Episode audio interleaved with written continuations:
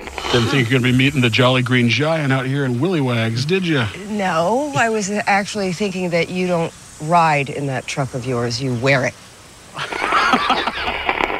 You bitch. Don't kill you me. whiny whore bitch. Please don't. Gosh sakes.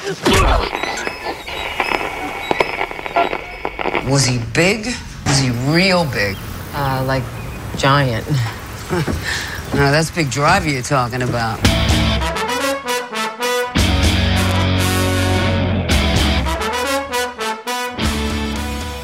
Witamy serdecznie w 179 odcinku podcastu Radio Stephen King.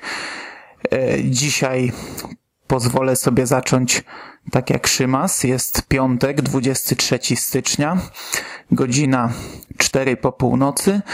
I dzisiaj kończymy Kingową jesień. Kończymy ją w takim samym składzie, w jakim rozpoczęliśmy ją w październiku ubiegłego roku, czyli jest ze mną Michał Rakowicz, czyli Jerry. Witam Was panowie, witam słuchaczy. i Szymon Cieśliński, czyli Szymas. Cześć Wam, witam serdecznie wszystkich słuchaczy. Kingową jesień zaczęliśmy od ekranizacji opowiadania Dobrane Małżeństwo. Dzisiaj natomiast będziemy mówić o ostatniej jesiennej ekranizacji, czyli o Wielkim Kierowcy. Run from me, darling. as a writer, Run, my good wife. you have to understand human nature. Run from me, darling. Fear, murder, You better run for your life. and revenge. And each time I see you, I think it's time, dear. I Oh, freaking payback. contemplate. You really don't belong in a place like this. Have a safe trip home. You better run. You better run. You better run. You better run. You're crazy. Run, run, run, run. You have to understand human nature.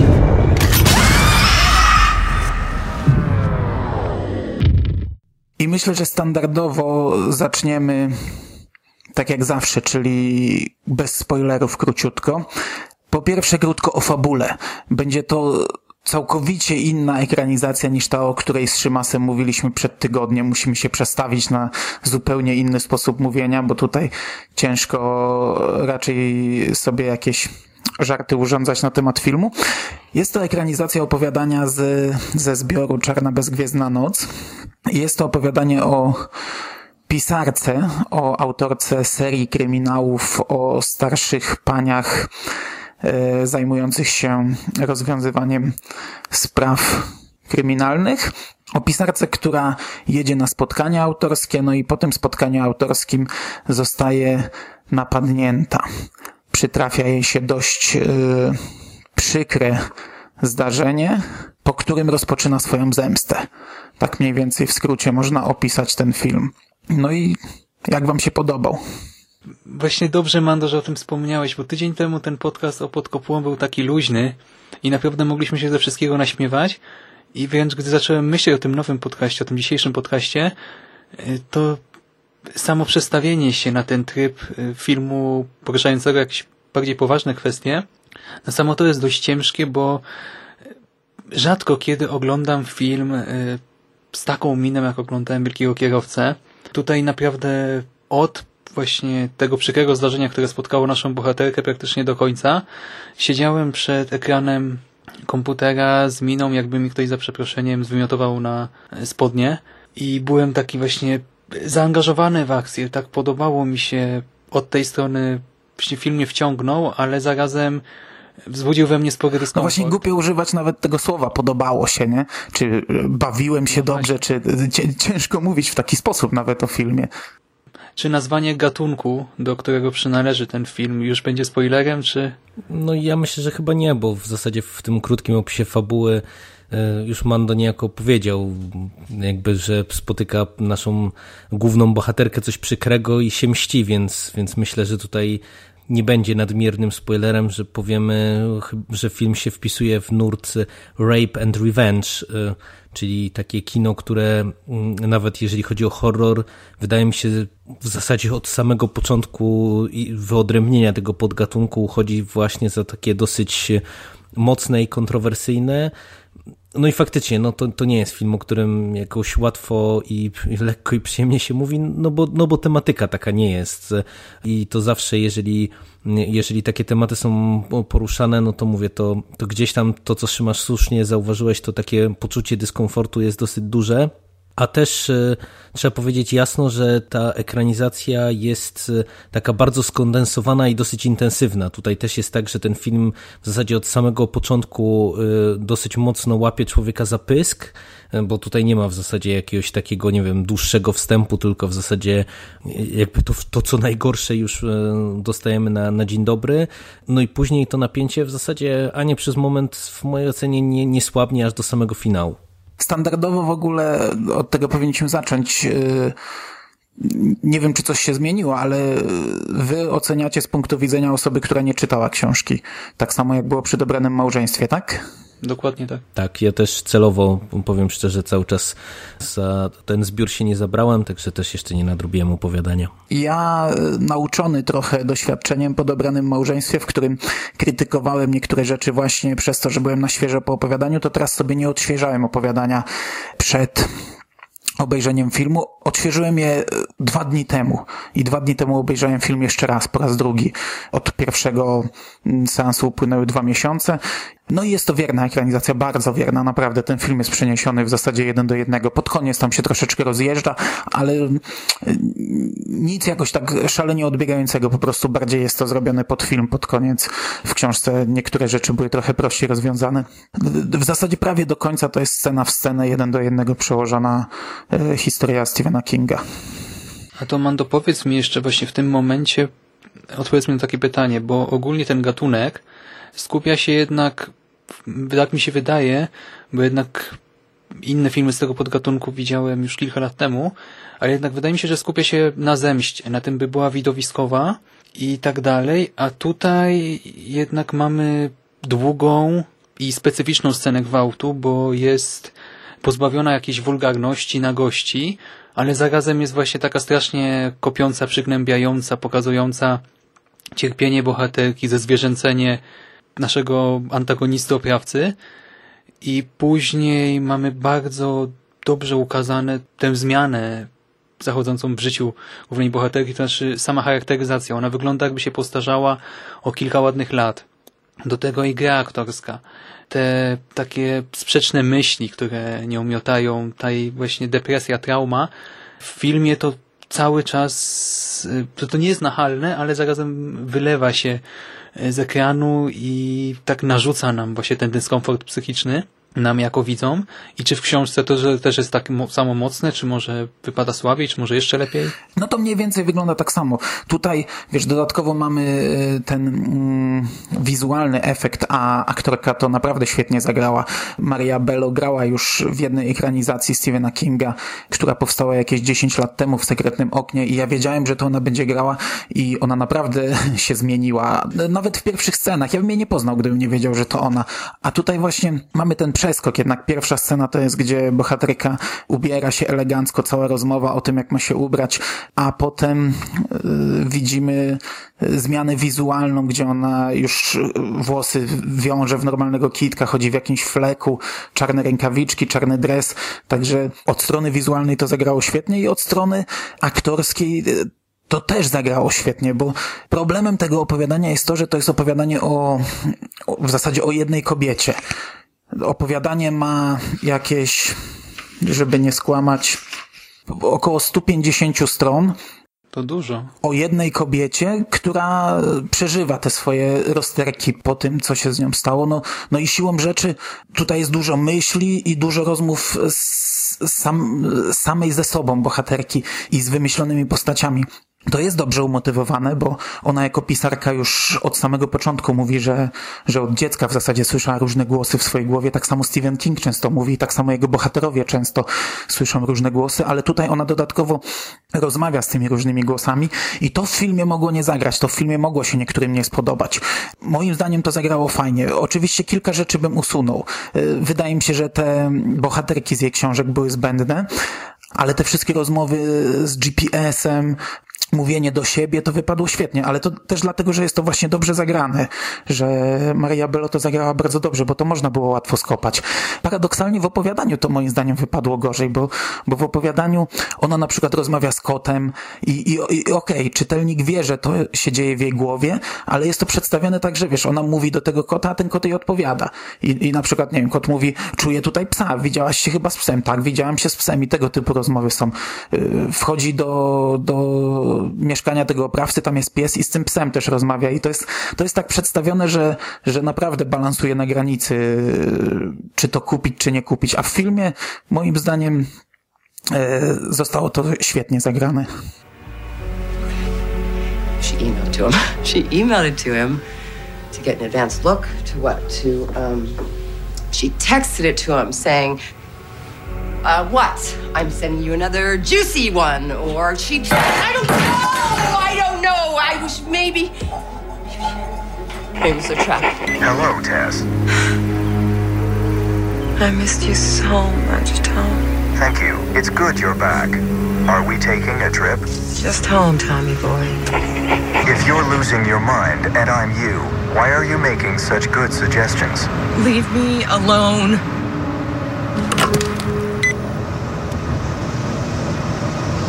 Tess, What?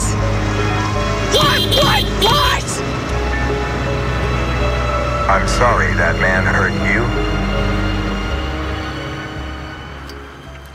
Właściwie w moim odczuciu to wypadło przegenialnie, bo tak naprawdę w sumie nie wiem, czy wy też tak macie, ale ja czasami też po pierwsze, nie wiem, coś sobie planuję na następny dzień czy tydzień, gdy nie mogę zasnąć i sobie tak jak gdyby prowadzę taki dialog ze sobą, czy czasami też rozważam jakieś za i przeciw i też tak sobie gadam do siebie, czy czasem sobie wyobrażam, jak będzie wyglądała jakaś konkretna scena, rozmowa, zwłaszcza jeżeli chodzi o coś ważnego.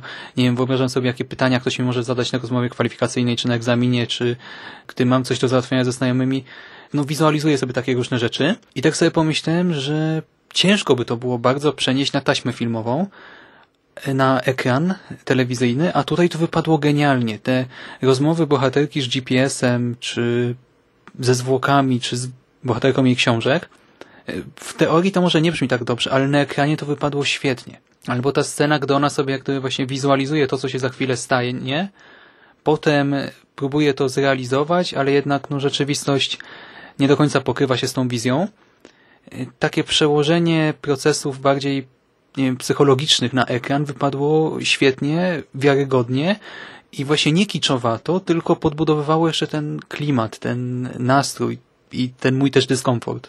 Ja to oceniam bardzo, bardzo pozytywnie. Ja się tutaj z Tobą w pełni zgadzam, bo mm, ja nie miałem jakiegoś takiego dysonansu, że, że właśnie ona rozmawia z tymi postaciami, chociażby na przykład ze swoich powieści, a wydaje mi się, że ten zabieg spowodował, że mm, tutaj łatwiej było wczuć się w jej sytuację i mm, pokazać lepiej tą jej przemianę taką wewnętrzną, gdzie było widać, że to, to jest tak, że od tego zdarzenia no jakby ta zmiana postępuje i, i tutaj te wszystkie rozmowy, które, które ona jakby z tymi czy przedmiotami, czy jakimiś fikcyjnymi postaciami prowadzi, to pozwalało jakby tylko łatwiej i tak sprawniej właśnie to wszystko zaprezentować. My przy dobranym małżeństwie na przykład żeśmy rozmawiali, że, że tam nie do końca to zagrało, gdzie było dużo jakby w opowiadaniu z tego, co ty Mando mówiłeś, właśnie takich wewnętrznych rozmów tej głównej bohaterki. No i rozmawialiśmy o tym, że właśnie był problem, jak to pokazać później na taśmie filmowej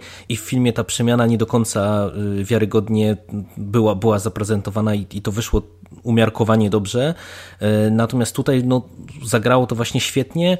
I, I to mówię, oczywiście to pewnie jest też zasługa tego, że to było w tym tekście źródłowym, ale no, tak jak Mando zauważyłeś, no, można to było bardzo łatwo spieprzyć, no bo umówmy się tutaj można było popaść w taką jakąś e, lekko karykaturalny klimat. No, gdybyśmy widzieli tutaj jakieś te staruszki i gdyby to było jakoś e, źle poprowadzone, no to mówię, myślę, że to zamiast spotęgować taki niepokojący klimat i, i, i taki gęsty klimat, który się tworzy, to raczej by działało tak zupełnie odwrotnie w stosunku do zamierzonego efektu udało się to i mówię, mnie to w ogóle jakoś tam nie gryzło, tylko właśnie wręcz odwrotnie pasowało do całości. No mnie ta staruszka troszeczkę nie pasowała, ale ona też była potrzebna, bo to była ta część jej umysłu, która odpowiadała za, za jakieś rozwiązywanie zagadek i za podpowiadanie jej, że o czymś zapomniała albo czegoś nie zrobiła.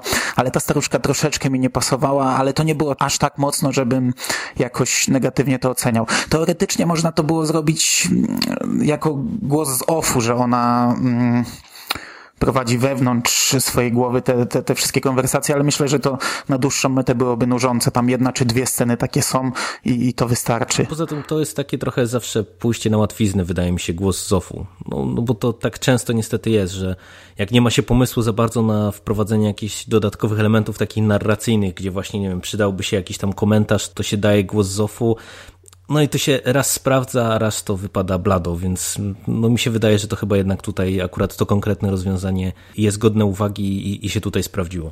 Ja też, ja bym tutaj tego nie zmieniał. Maybe it's a trick. He could be waiting for you, Tess. You can still leave. No, I can't. He may be right, dear. If you're going to do this, I strongly recommend that you get started. Soonest begun, soonest done. Ale w ogóle tak rozmawiamy o, o Maribello, ale tu całościowo ten film wydaje mi się, że jest bardzo dobrze zagrany i bardzo dobrze zrealizowany. I to też jest w tym taka jego duża siła oddziaływania, to też jest właśnie dzięki temu mi się wydaje, bo, bo tutaj ta tematyka jest ciężka i ta historia jest dosyć ciężka i taka skondensowana i gdyby gdzieś ktoś tutaj, nie wiem, czy to aktorsko, czy od strony realizacyjnie coś pokpił, to myślę, że to by mogło bardzo łatwo widzów wybić z takiej imersji, jeżeli chodzi o całą tą historię, a tutaj mówię, no w zasadzie od pierwszej do ostatniej sceny y, to napięcie nie słabnie, a wręcz w tych momentach, kiedy gdzieś tam powinno być jeszcze podkręcone i, i spodenkowane, to, to wydaje mi się, że, że się to twórcom bardzo dobrze udało tutaj poprowadzić i zrealizować. No skoro już wyciągnąłeś temat twórców, to, no to trzeba tu zaznaczyć, że reżyserem tego filmu jest e, Mikael Salomon, a to jest facet, który zrobił drugie miasteczko Salem wersję z 2004 roku, czyli film, który trochę krytykowaliśmy, no ja krytykowałem bardzo mocno. To jest facet, który odkąd zabrał się za Kinga, to pierwszym filmem mnie zniechęcił do siebie strasznie, potem grzebał trochę przy marzeniach i koszmarach, zrobił tam dwa odcinki niezłe, a nawet, nawet jeden bardzo dobry, jeden bardzo lubię, a teraz zrobił ten film i kupił mnie nim całkowicie. No, zrobił coś, czego bym się po nim nie spodziewał. Naprawdę bardzo dobry film. A druga rzecz, scenarzystą tego filmu jest y, Richard Christian Matheson, czyli, czyli syn syn, y, Jezu, jak on się nazywał? Nie, Richarda Mathesona. To, to... No. syn starego Richarda, syn, czyli syn Richarda Mathesona. Y, facet, który też sporo w telewizji zrobił. I to jest nawet bardziej zaskakujące, powiem Ci szczerze, że jemu się udało tak dobrze tą historię poprowadzić, bo, bo przecież on też przy Kingu pracował i akurat ten odcinek Marzeń i Koszmarów, który on robił, czyli Pole Walki, był fajny, ale on na przykład stoi za absolutnie najgorszym odcinkiem scenariuszowo e, Masters of Horror, e, do których się gdzieś tam przymierzamy, więc ja jak zobaczyłem, że on jest scenarzystą, to tak szczerze mówiąc z lekko z duszą na ramieniu e, do tematu podchodziłem, bo ja tam mówię, parę tych jego produkcji widziałem i ja odnoszę wrażenie, że o ile Richard Matheson senior, no to jest klasyk i jakoś tam postać kultowa, e, no to już z synem, czy z jakością jego prac bywa różnie. Tym bardziej, że ja też na przykład czytałem parę jego opowiadań, no i to też była, był rollercaster, nie? To zdarzyło się opowiadanie niezłe, a zdarzyło się opowiadanie tak totalnie od czapy, że że po prostu szkoda mówić i, i tu się, powiem wam szczerze, że ja się trochę obawiałem, czy, czy on po prostu jakoś nie spieprzy na przykład tej historii, e, szczególnie, że ja niespecjalnie nawet się chciałem zagłębiać w tematykę i po prostu jak zobaczyłem ten taki szalenie mocny początek, to tym bardziej jak widziałem nazwisko scenarzysty, to po prostu trochę mnie strach obleciał, czy po prostu gdzieś tam to się w drugiej części filmu nie, kompletnie nie rozjedzie. A tutaj on sobie naprawdę poradził doskonale, bo chociaż ja powiedziałem, że to jest przełożony w zasadzie jeden do jednego, to takie kosmetyczne zmiany są. Kosmetyczne zmiany, które właśnie były potrzebne na potrzeby filmu. I to zagrało bardzo dobrze. Ciężko mówić o tym, nie wchodząc e, już w takie, w takie e, bardzo mocne szczegóły, ale tutaj w zasadzie od początku jest trochę inaczej rozpisane. Ta bohaterka trochę inaczej jest przedstawiona. E, plus cała końcówka właśnie jest rozpisana bardziej pod film. W książce to, to jest trochę spokojniej rozegrane. Tutaj już, już, już jak dochodzi do tej ostatecznej konfrontacji jest, jest bardziej, bardziej widowiskowo, ale to gra moim zdaniem, to jest dobrze. W filmie tak powinno być. Jedyna taka zmiana, której której tak do końca nie rozumiem i nie wiem, czy ona była potrzebna, to, to ta barmanka, My całą jej historię poznajemy już w środku filmu. E, bardzo możliwe, że to, że to było potrzebne, że to jakoś wpływa na, na rozwój tej postaci, na jej motywację. W, w książce to jest ostatnia scena opowiadania ta cała rozmowa z barmanką jest na sam koniec zostawiona. I to jest takie, takie też dość mocne w książce, bo ona przez cały czas się obawia, że ta barmanka będzie świadkiem przeciwko niej, bo to jest jedyny świadek, który wie, że, że coś tam, że, że ona poszukiwała tego człowieka, a, a na koniec się okazuje, że, że jednak nie, że ta barmanka jest po jej stronie. A to tak się zapytam jeszcze Ciebie, Manto, jako człowieka, który czytał to opowiadanie, bo mi gdzieś w informacjach właśnie odnośnie różnic się też pojawiła ta, ta, taka kwestia, że gdzieś w opowiadaniu ta pisarka ogląda właśnie takie filmy z tego nurtu Rape and Revenge, chyba tam Ostatni Dom po lewej na przykład. I się zastanawiam, czy być może to, że to, o czym ty teraz mówisz, że historię tej barmanki poznajemy w środku, to jest takie niejako zastąpienie, że w opowiadaniu ona gdzieś tam dojrzewa do pewnych decyzji i się w nich utwierdza i szuka tego jakiegoś takiego, nie wiem, katarzis i siły do dalszej akcji właśnie w no, oglądając takie, a nie inne filmy, e, a tutaj no, no tak trochę to ja odebrałem, że, że ta scena z barmanką gdzieś tam w środku filmu to jest, to, to ta rozmowa e, to był taki, takie przypieczętowanie tych jej postanowień co do kierunku, jaki, jaki obrać po prostu, bo tak ja jeszcze od, odniosłem wrażenie, że po prostu ona jadąc tam na miejsce jeszcze do końca nie wiedziała, jak to wszystko rozegrać, ale po prostu tutaj ta historia i to spotkanie z drugą skrzywdzoną kobietą, to, to gdzieś tam tylko mm, właśnie zadziałało jaki taki dodatkowy kop i, i, i gdzieś tam ja to odebrałem właśnie w ten sposób, że to już w tym momencie mam jakby dodatkowy argument, że, że to nie tylko swoje krzywdy, ale to też tak jako taka przedstawicielka skrzywdzonych kobiet będę występowała z, z tej pozycji. Oczywiście może sobie coś tam dorabiam, ale, ale tak jakoś mi to się w głowie ułożyło. Nie, ja myślę, że to właśnie było po to przeniesione do środka. W książce to jest tak, że ona nie, nie, tyle Ostatni dom po lewej, co ogląda film Odważna z Judy Foster z 2007 roku. To jest właśnie film o parze narzeczonych, którzy właśnie padają ofiarami brutalnego napadu i no on ginie, a ona zostaje ranna i, i, właśnie wkracza na drogę zemsty. No coś w tym samym stylu, nie? Y, ona wypożycza ten film gdzieś tak w połowie opowiadania, ogląda go i, i jakoś ten film ją motywuje do tego, żeby pójść tą drogą. Czyli faktycznie chyba jednak ekranizacja zrobiła to lepiej, czyli to jest kolejny plus dla, dla młodego Matesona, że poprzestawiał te sceny.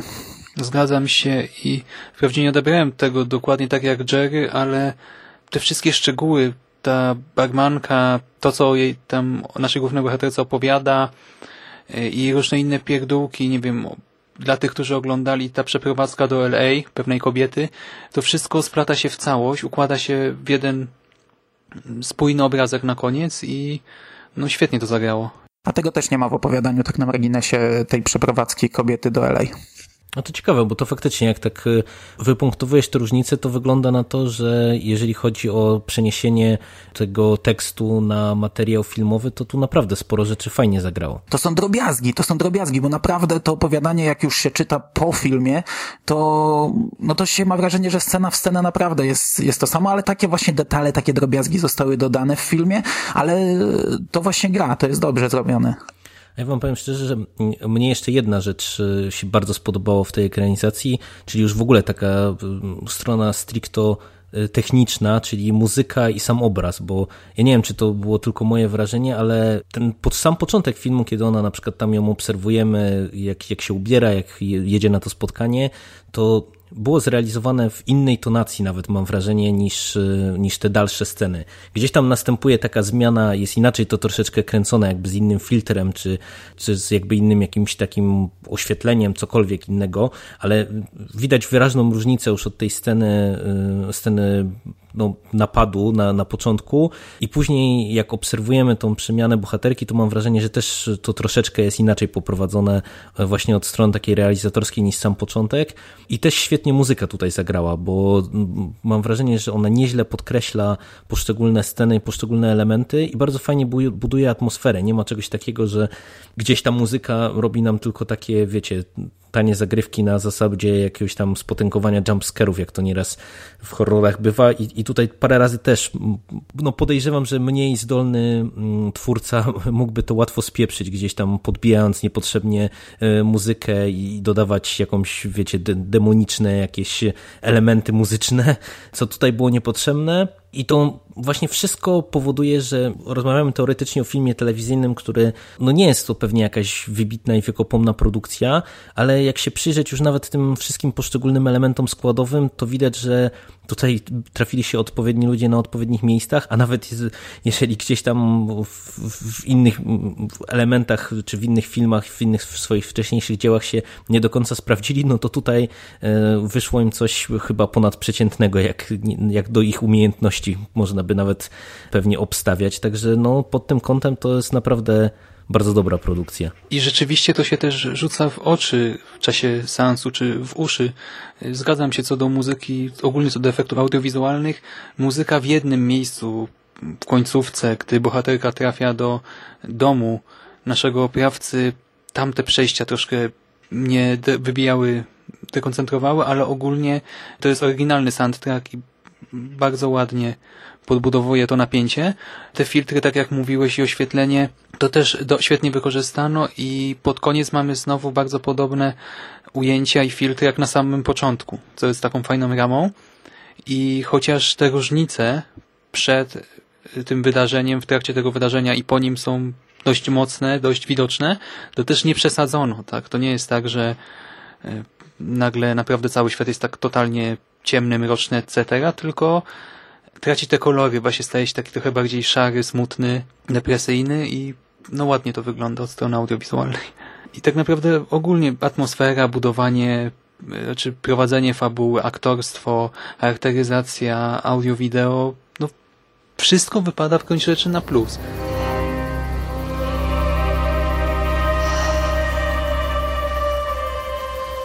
I guess I was always violent, deep down. I denied it like most of us do.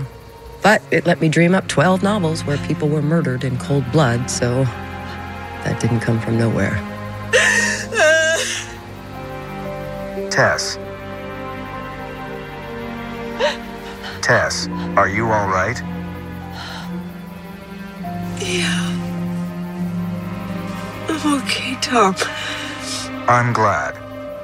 I'd be lost without you.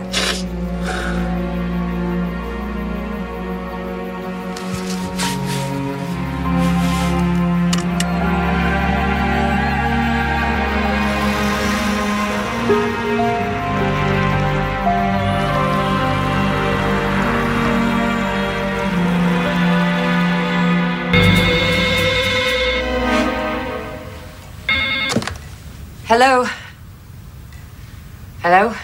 Słuchajcie, ja pozwolę sobie na chwilę przerwać. Mm, teraz od tego momentu będą już spoilery. Ten podcast nam wyszedł tak trochę mm, trochę inaczej niż zwykle. Nie wyszła nam taka, taka sztywna granica między częścią bezspoilerową, a częścią spoilerową. I teraz o, za chwilę jeszcze Szymas będzie trochę krążył w koło tematu, będzie, będzie próbował jakiś tam jeszcze mm, sekret zachować, ale tak naprawdę już w tym momencie przejdziemy do spoilerów.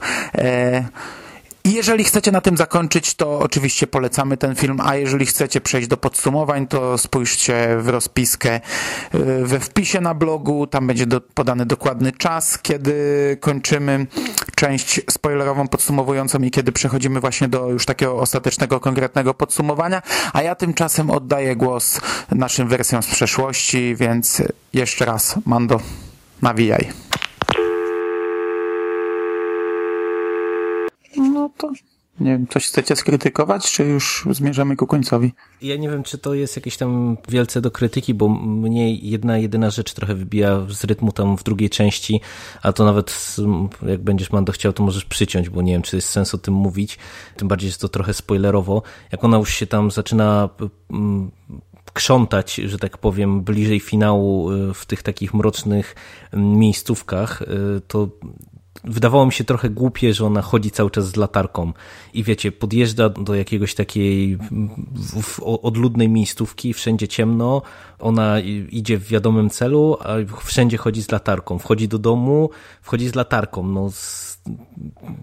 Szkoda, że jeszcze dzwonka na szyi nie miała, żeby, żeby, żeby, żeby sobie po prostu już w ogóle bardziej zakomunikować swoje przybycie i to jakoś tak mi to nie grało, bo, bo w zasadzie właśnie tutaj cały film i cała ta fabuła jest tak rozpisana, że nawet jest przecież ten nacisk właśnie na tą dbałość o szczegóły i, i te rozmowy na przykład właśnie z tą bohaterką jej książek, to też są na, takie nacechowane, żeby właśnie, no jak już y, wybrałaś drogę zemsty, to teraz nie daj się złapać pamiętaj o tych wszystkich takich szczegółach. Ona tam mówi o logice na przykład też, że, że logika jest taka, taka ważna, a, a to mi się wydaje takie właśnie kurczę głupie, takie głupie przeoczenie w tym wszystkim ale właśnie po pierwsze na pewno chodziło o to, żeby po prostu było oświetlana scena, chodziłaby bez latarki, to narzekalibyśmy, że nic nie widać, ale jeżeli chodzi o fabułę, głupie przeoczenie, ale coś w ten deseń też jest w opowiadaniu, tylko trochę coś innego. Ona też to planuje w taki sposób, ale jednak no pamiętajmy, że jest to kobieta, która całkiem niedawno e, dość dużego szoku doznała, więc może pomijać kilka pierdół i w opowiadaniu ona zapomniała wziąć e, więcej naboi do rewolweru, więc miała tylko sześć. Dwa straciła dość szybko i jak szła dalej miała tylko cztery i już o tym myślała, że kurczę, tak to zaplanowała, a o takiej głupocie zapomniała. To też było tak, żeby trochę podbić napięcie, no, że wiemy, że ma tylko cztery naboje i czy jej wystarczy, czy nie, no, ale właśnie coś na tej zasadzie, że niby jest to mocno zaplanowana, a, a jakiś głupi szczegół. No tutaj mogła o tej latarce, no ja, ja, ja wiem, ja rozumiem o co ci chodzi, ale, ale ja na to nie zwróciłem uwagi. A ja właśnie z jednej strony w czasie seansu zwróciłem na to uwagę i nie wkurzają takie szczegóły, ale pomimo wszystko jakoś to zaakceptowałem i już po seansie e, zupełnie to wypadłem z pamięci. Rzeczywiście to dziwnie trochę wygląda i nie wiadomo dlaczego to jest tak, a nie inaczej, ale o dziwo jakoś aż tak mocno jak zazwyczaj mi to nie przeszkadzało. I jeszcze, skoro już przeszliśmy do tej drugiej części końcówki, tutaj mamy tę zemstę podzieloną na jak gdyby takie trzy etapy. I też, chociaż teoretycznie można się część rzeczy domyślić, to dla mnie to jednak było tak poprowadzone, że ja się dałem zaskoczyć na pierwszym etapie, bo ta scena, ten pierwszy etap jest też podzielony na takie dwie osobne sceny, jak gdyby, na drugim etapie, chociaż to było bardzo schematyczne podejście do scenariusza i ta końcówka też była całkiem interesująca, widowiskowa.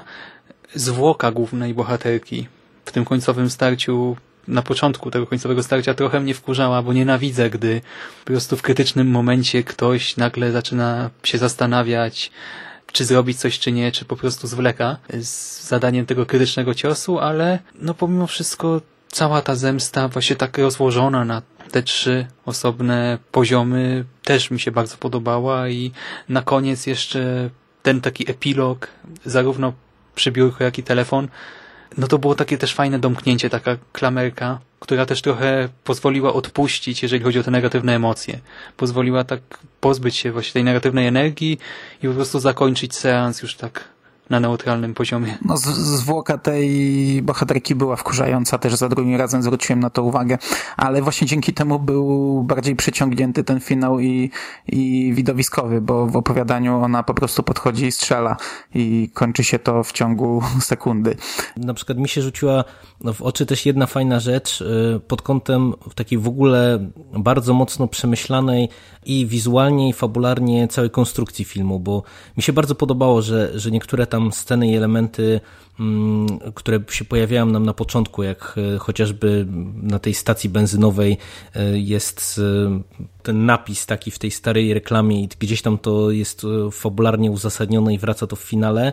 I tam jest dużo takich elementów, właśnie to co Szymasz wspomniałeś o, o tej kobiecie, która wyjechała do LA, o tych zdjęciach. I to jest o tyle też interesująco poprowadzone, że czasami to są takie, takie rzeczy, które wychodzą nam wprost, gdzieś tam nam są mówione z ekranu, jak chociażby właśnie o tej wycieczce do LA, ale też czasami to są właśnie takie, takie rzeczy, które gdzieś tam są na, na jakimś takim niedopowiedzeniu zrobione, w tym sensie, że jest tam nam to zasugerowane, ale to już z wiarą do inteligencji, spostrzegawczości widza, widza mam wrażenie. I też y, o tym w ogóle nie powiedzieliśmy, ale z perspektywy całego filmu, ja wam powiem szczerze, że y, bardzo, bardzo mi się y, podoba samiusieńkie otwarcie, te pierwsze 30-40 sekund, kiedy wchodzą nam jeszcze napisy początkowe filmu, no mamy tą konkretną scenę w tym kanale burzowym, to robi bardzo, bardzo mocne wrażenie, na mnie zrobiło od razu na samym początku i też z perspektywy właśnie całości seansu bardzo fajnie to grało moim zdaniem. I za to też duży plus. Nie wiem, czy, czy już też to było zastosowane, bo to mnie bardzo fascynowało. Widzisz, to o tym zapomniałem się, miałem pytać ciebie, Mando. Czy to w opowiadaniu też tak było, że, że już na samym początku jakby mamy takie otwarcie właśnie, czy, czy to było zrobione pod film? Bo, bo to mi się wydawało, że to musiało być zrobione raczej pod film. To jest pod film, ale w opowiadaniu jest takie typowe zagranie Kinga. To jest coś takiego, że poznajemy tą główną bohaterkę, ona jest taka, taka trochę nieprzyjemna. Tam od początku wiadomo, że ona tak niechętnie na te spotkania jeździ, że to tylko dla kasy.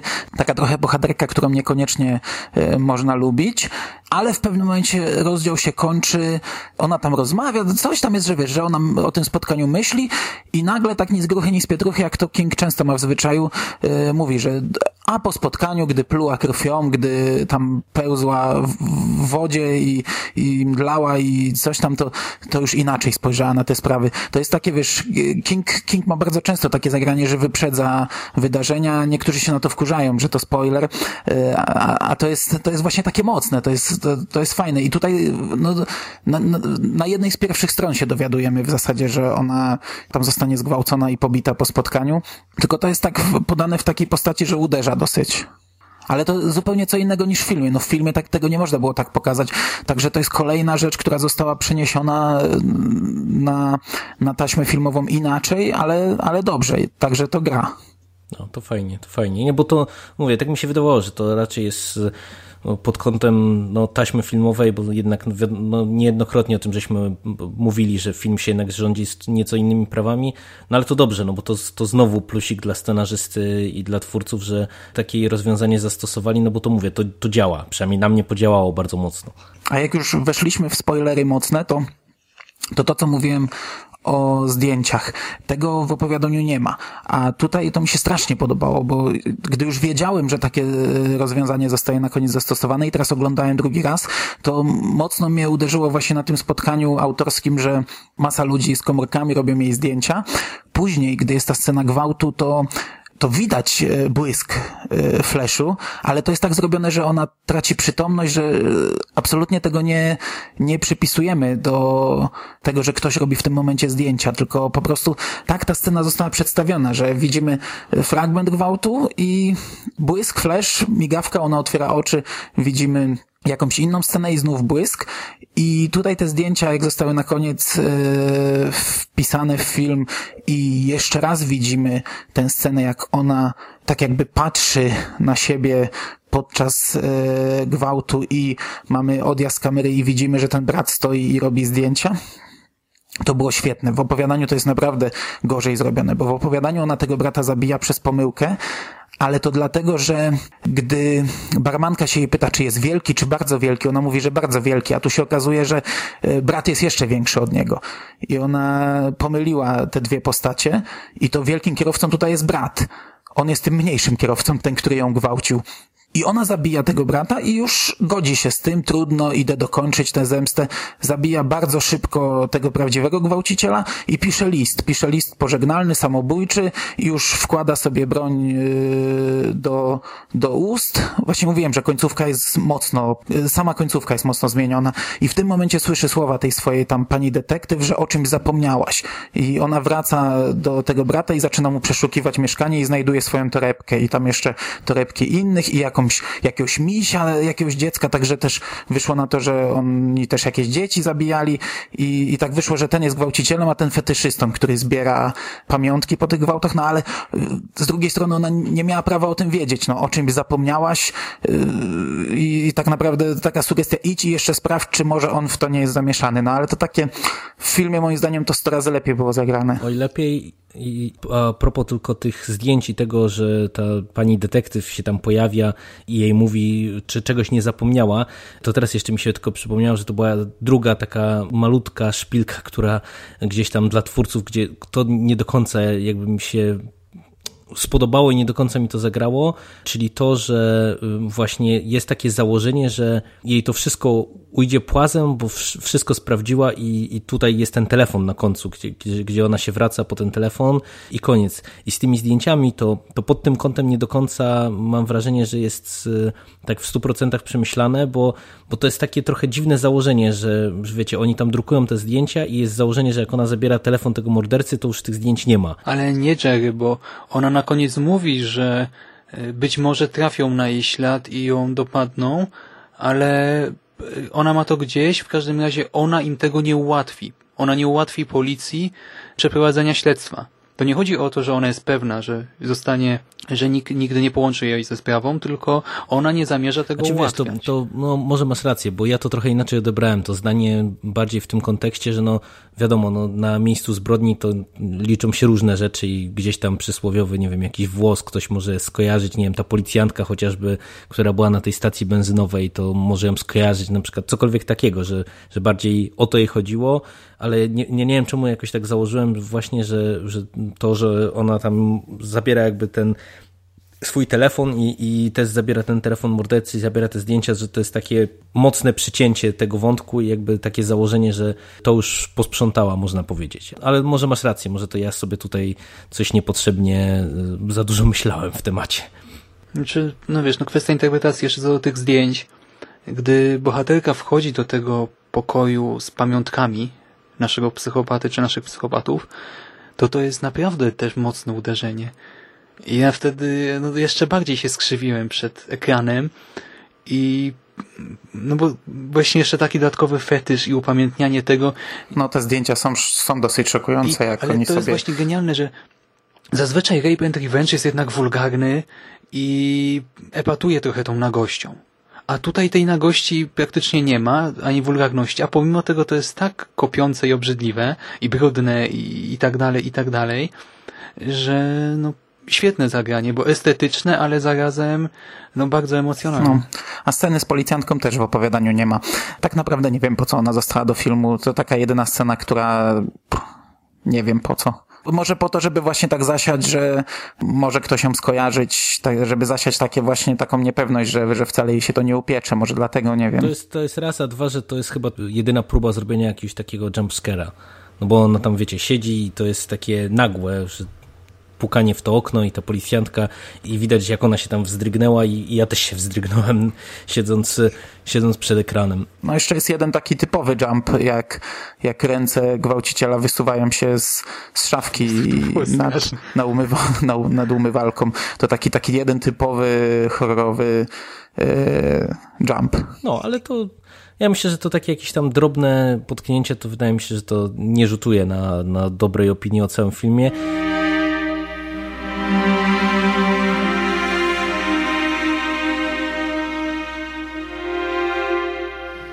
I won't make excuses for what I've done, nor can I say I did it while of unsound mind.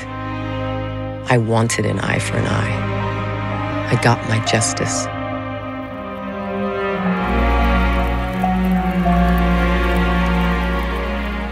I tak y, myślę, że będziemy zmierzać ku podsumowaniu, to ja wam powiem jeszcze tylko jedną rzecz, że jak tak y, obejrzałem w końcu tego wielkiego kierowcę, to sobie pomyślałem, że to też zabawne, że dostaliśmy w tym roku trzy takie duże ekranizacje, czyli y, Dobrane Małżeństwo Mercy i dużego czy wielkiego kierowcę i w zasadzie nawet trudno te filmy tak jednoznacznie porównywać, bo każdy z nich jest, mam wrażenie, takim dosyć osobnym, e, osobnym filmem e, o różnej tematyce, o różnym wydźwięku, o różnej realizacji i to pod wieloma względami Wielki Kierowca jest najlepszy z, z całej tej trójki, ale to po prostu jest też tak, że no mówię, aż trudno mi je porównywać wszystkie razem, no bo no wiecie, gdzie Mercy na przykład porównywać do Wielkiego Kierowcy, nie? E, No, no. Sama tematyka i podejście do tego tematu i sposób realizacji, no to jest tak skrajnie inne, że to zupełnie jakoś do siebie nie przystaje i to też jest fajne, że akurat, no mówię, trzy filmy i trzy tak zupełnie różne podejścia do tematu i trzy tak różne historie.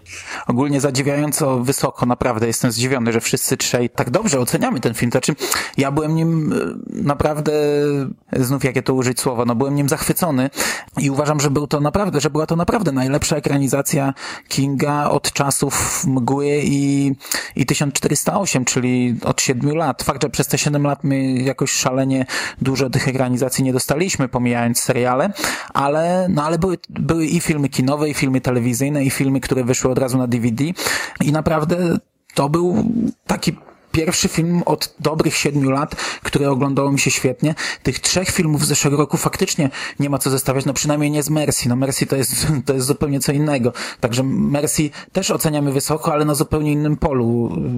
To, to, to w ogóle nie ma co tych filmów zestawiać. Jeszcze Dobrane Małżeństwo i Wielkiego Kierowcę to jeszcze jakoś tam można. Bo, bo to Oba to są bardziej dramaty niż, niż jakieś horrory czy, czy fantastyka. Oba jednak poruszają jakąś tematykę gwałtu, morderstw y, na kobietach. No, dla mnie Wielki Kierowca był na pewno najlepszym filmem minionego roku. Czekałem na niego chyba najmniej, bo, bo to był film dla jakiejś drugorzędnej telewizji, zrobiony tak naprawdę nie wiadomo kiedy, nagle gdzieś tam wypłynęło coś, że, że będzie jego premiera i, i to o tych dwóch mm, wcześniejszych jednak słyszało się trochę więcej i byłem bardzo zaskoczony, naprawdę bardzo zaskoczony, naprawdę bardzo fajny film. Ja w tym temacie nie mam jakiegoś doświadczenia. O Jezu, jak to zabrzmiało. w temacie... Ja w temacie tego typu filmów nie mam jakiegoś wielkiego doświadczenia. Widziałem kilka filmów z tego gatunku. Nie wiem, jak ten film y, wypada na tle y, całego tego podgatunku, ale y, dla mnie to był bardzo dobry film. Myślę, że chyba ja niewiele mam do dodania. Też się zgadzam z tym, że to był dobry film i też jakichś wielkich doświadczeń, jeżeli chodzi właśnie o horror z tego nurtu nie mam. Też widziałem jakieś tam pojedyncze produkcje. No na pewno też jakby na duże zaskoczenie, jeżeli chodzi o pozytywne mm, o całą naszą trójkę, to wydaje mi się, że to jednak też miało trochę e, związek z tym, że to była produkcja telewizyjna. No i myślę, że chyba e, no nie spodziewaliśmy się, że jednak e, telewizyjna produkcja zrobiona właśnie tak jak wspomniałeś, dla jakiejś takiej w sumie no, niszowej stacji nam bliżej nieznanej, że, że może osiągnąć tak dobry poziom. No cóż, więcej takich pozytywnych zaskoczeń. Ja się mogę tylko zgodzić. Gdyby oceniać go jako dzieło niezależne, oceniłbym go bardzo wysoko, a jako film telewizyjny, jeszcze przedstawiciel tego konkretnego gatunku, to już w ogóle maksymalna ocena, bo nie wiem, czy cokolwiek można by tu zrobić lepiej. Polecam. Ale polecam tak, jak nie wiem, można polecać dziewczynę z sąsiedztwa Ketchama. No, może Ketcham jest bardziej hardkorowy, ale tak czy siak. To jest specyficzne, dołujące dzieło, kopiące, ale no warto to poznać. O, tak. Have a safe trip home. You better run. You better run. You better run. You better run. You're crazy. Run, run, run, run. You have to understand human nature.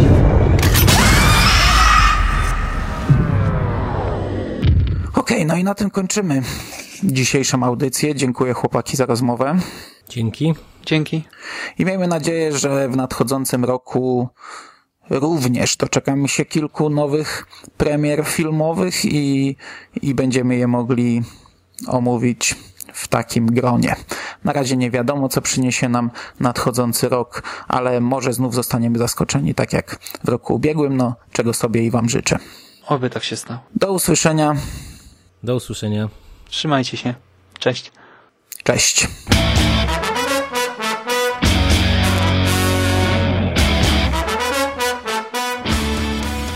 A już za tydzień w następnym odcinku radia Stephen King dzieło literackie Stephena Kinga żywi się licznymi gatunkami twórczości właściwymi kulturze popularnej, jak powieści sensacyjne, komiksy, filmy grozy i muzyka rockowa. Ma zamiar napisać historię związaną z wielkim ponurym domem, w którym kiedyś znalazł się przypadkiem jako dziecko i odkrył powieszonego właściciela, o czym nigdy nie potrafił zapomnieć. Okazuje się, że domostwo zostało zakupione przez antykwariusza Strikera, który przywiózł ze sobą ogromną skrzynię zamkniętą na wiele kłódek. Od tej chwili w miasteczku tajemniczo giną dzieci, a zwierzęta wykrwawiają się na śmierć. W 1968 roku napisał kilka opowiadań, które zostały opublikowane znacznie później. Najciekawszy z nich, Zjawi się tygrys, jest częścią zbioru Szkieletowa Załoga. Uczeń trzeciej klasy Charles prosi o pozwolenie wyjścia do ubikacji, po czym okazuje się, że w szkolnej toalecie jest tygrys. A może to któraś z wychowawczyń?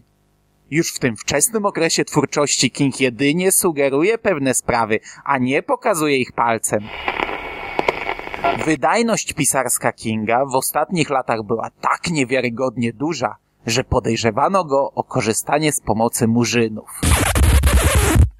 Tę i inne złote myśli rozwiniemy już za tydzień w kolejnym odcinku podcastu Radio Stephen King. Do usłyszenia.